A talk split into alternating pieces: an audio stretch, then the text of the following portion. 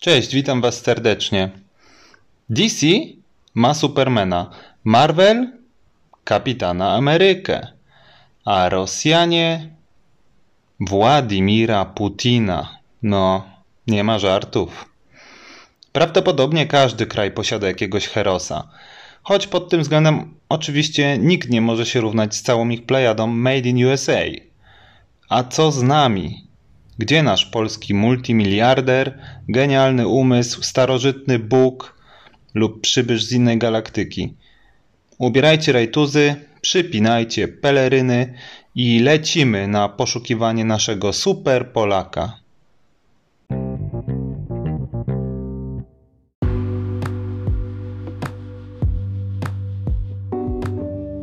Z tego co się orientuję, mamy dwóch szanujących się superbohaterów. Być może więcej, no głowy nie dam.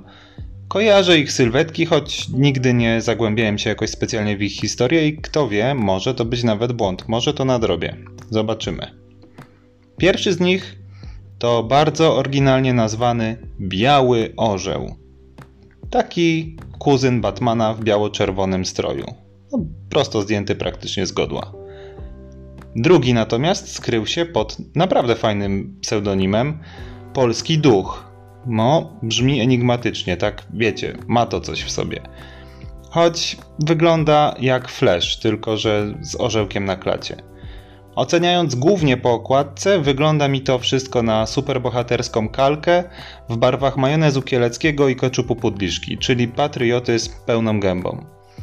Jest jeszcze oczywiście znany wszystkim dobrze ojciec Rydzyk, ale to już jest zupełnie inne uniwersum. Mnie interesuje jednak superheros mający cechy współczesnego Polaka i mający wartości, z którymi śmiało można się utożsamiać. Chciałbym móc z dumą postawić go w jednym szeregu tuż obok jego amerykańskich koleżanek i kolegów. I tu już na samym początku kreatora postaci tak naprawdę zaczyna się mój największy fundamentalny kłopot. Jaką wybrać płeć? Czy będzie to postawny Janusz z beczką zamiast sześciopaku, czy smukła Jessica o nieco mętnym spojrzeniu? A może by tak to wszystko olać i wybrać bohatera bez płci, no po co się gimnastykować? Albo takiego, którego jedną z supermocy jest właśnie zmiana płci. Czy mnie coś w ogóle ominęło i nie widziałem dotychczas nikogo takiego? W komiksach w ogóle nic nie było, nie? Czy właśnie niechcący stworzyłem ono od zera? Jak coś, to biorę na to patent, żeby nie było. I czym prędzej biegnę do Netflixa po walizkę świecącą jak w Pulp Fiction. Będą pieniążki, będą. Patentuję to, także warami. Skoro w amerykańskiej stajni jest ktoś taki jak Kapitan Marvel, to czemu by nie nasza polska Kapitan Margot? Brzmi chwytliwie, no nie powiecie. No ale jeśli szukać takich naprawdę polskich akcentów, to są dwa dość szczególnie i bardzo mocno zakorzenione w naszej kulturze. Są to rycerskość i wiara. Bardzo mocne fundamenty polskiej historii i tożsamości. Automatycznie więc nasuwa się na myśl kolejna postać godnie reprezentująca te właśnie cechy. Oczywiście nie może to być nikt inny niż rycerz Maryi. Kolejny plus, że te postaci tak naprawdę już istnieją i nie trzeba jej wymyślać od nowa. Jej moc to przenoszenie się w czasie do średniowiecza i toczenie tam epickich bitew podczas krucjat krzyżowców. Rycerz Maryi to nasz patriotyczny odpowiednik takiego kolesia kiszącego się w jaskini z nietoperzami. Swoją drogą mocno kojarzącego się z siłami mroku. Od razu widać, że takim to się szatan na pewno interesuje. Na pewno. A propos szatana, znamy już przecież z różnych komiksów i ekranizacji księży walczących z siłami nieczystymi. Zapewniam was jednak, że gdyby był to polski kaznodzieja, to mogłoby się okazać, że przed każdym starciem z jakąś utrapioną duszą najpierw wystawiałby krzyczącej ofierze proformę. Dopiero potem podwijałby rękawy i brał krucyfiks do ręki. No sorry, taki mamy klimat. Cechą, którą zdecydowanie łączy większość superbohaterów jest to, że gdy gdzieś pojawia się jakieś zagrożenie, to na matkę z dzieckiem wali się płonący budynek. koteł nie może zejść z drzewa, czy jakiś super złoczyńca kradnie właśnie bezbronnym ludziom oszczędności życia, już chyba wspominałem wam wcześniej o ryzyku, to zaraz potem na miejsce przybywa ktoś, kto będzie walczył w ich imieniu i w imię sprawiedliwości.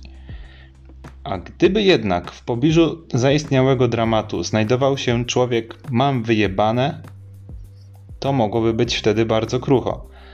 Ten neutralny bohater ma dość oklepaną już moc zmieniania wyglądu, zupełnie jak kameleon.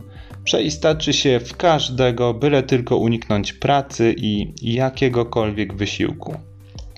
Kiedy przejeżdżasz gdzieś koło drogowców, kładących właśnie asfalt, przypatrz się, dostrzeżesz tam, że jeden z nich opiera się o łopatę i przygląda robocie. To właśnie on. Idziesz coś załatwić do urzędu i akurat w tym momencie, kiedy podchodzisz do okienka, pani wstaje, wystawia kartkę z napisem przerwa. To ponownie on. Przypadkowo, zupełnie niechcący, pojawiasz się na dorocznym zjeździe polityków partii rządzącej. Tu zadanie już jest o wiele cięższe. Potencjalnie on może być każdym z nich. Ogólnie bardzo pasywna postać. Jeśli akurat na jego rewirze dojdzie do jakiejś tragedii, z całą pewnością skończy się to źle. No nie ma bata. Chyba, że miałby on moce równe czarnoksiężnikowi Winietuskowi. To arcypostać poliversum o potężnej sile zakrzywiania i zmieniania rzeczywistości, któremu Steven Strange mógłby co najwyżej czyścić buty. Jego cała moc opiera się na jednym, ale za to przepotężnym zaklęciu Win Atuska, kiedy sprawia, że z powierzchni Ziemi znika warta kilka miliardów elektrociepłownia lub cały kraj ogarnia widmo kryzysu gospodarczego, wtedy on wypowiada magiczne wina Tuska i jak na pstryknięcie palcem wszyscy zapominają o danym wydarzeniu i odwracają od niego uwagę. Dodatkowo ludzie, którzy są pod jego urokiem, zamieniają się w agresywnych kultystów szukających wyimaginowanego wroga. Dzięki takiej mocy jest on praktycznie bezkarny i w zasadzie może robić wszystko, na co ma tylko ochotę, no bo kiedy znów zrobi się gorąco, on ponownie użyje swojego kontrolującego umysły zaklęcia i wywierci nowe dziury w świadomości podatnych na iluzje. Trzeba na niego naprawdę bardzo uważać. To silna postać. Być może równa nawet Thanosowi w pełnym rynsztunku, choć na pewno nie wzrostem. Ale mamy też mnóstwo dobrych cech, mnóstwo bohaterów dnia codziennego, co prawda nie tak potężnych, ale za to bardzo licznych. To poczciwy sąsiad, który pomoże, kiedy zepsuje ci się auto.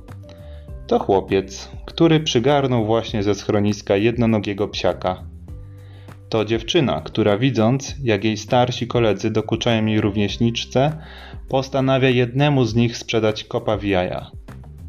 To przypadkowa kobieta, która wsadzi ci złotówkę do wózka pod sklepem, jak ci brakło.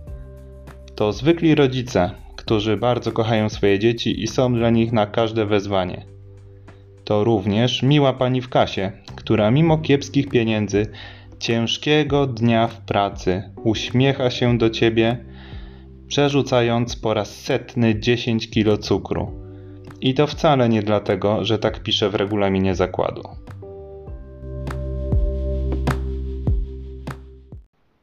Dzięki, że wysłuchaliście tego odcinka.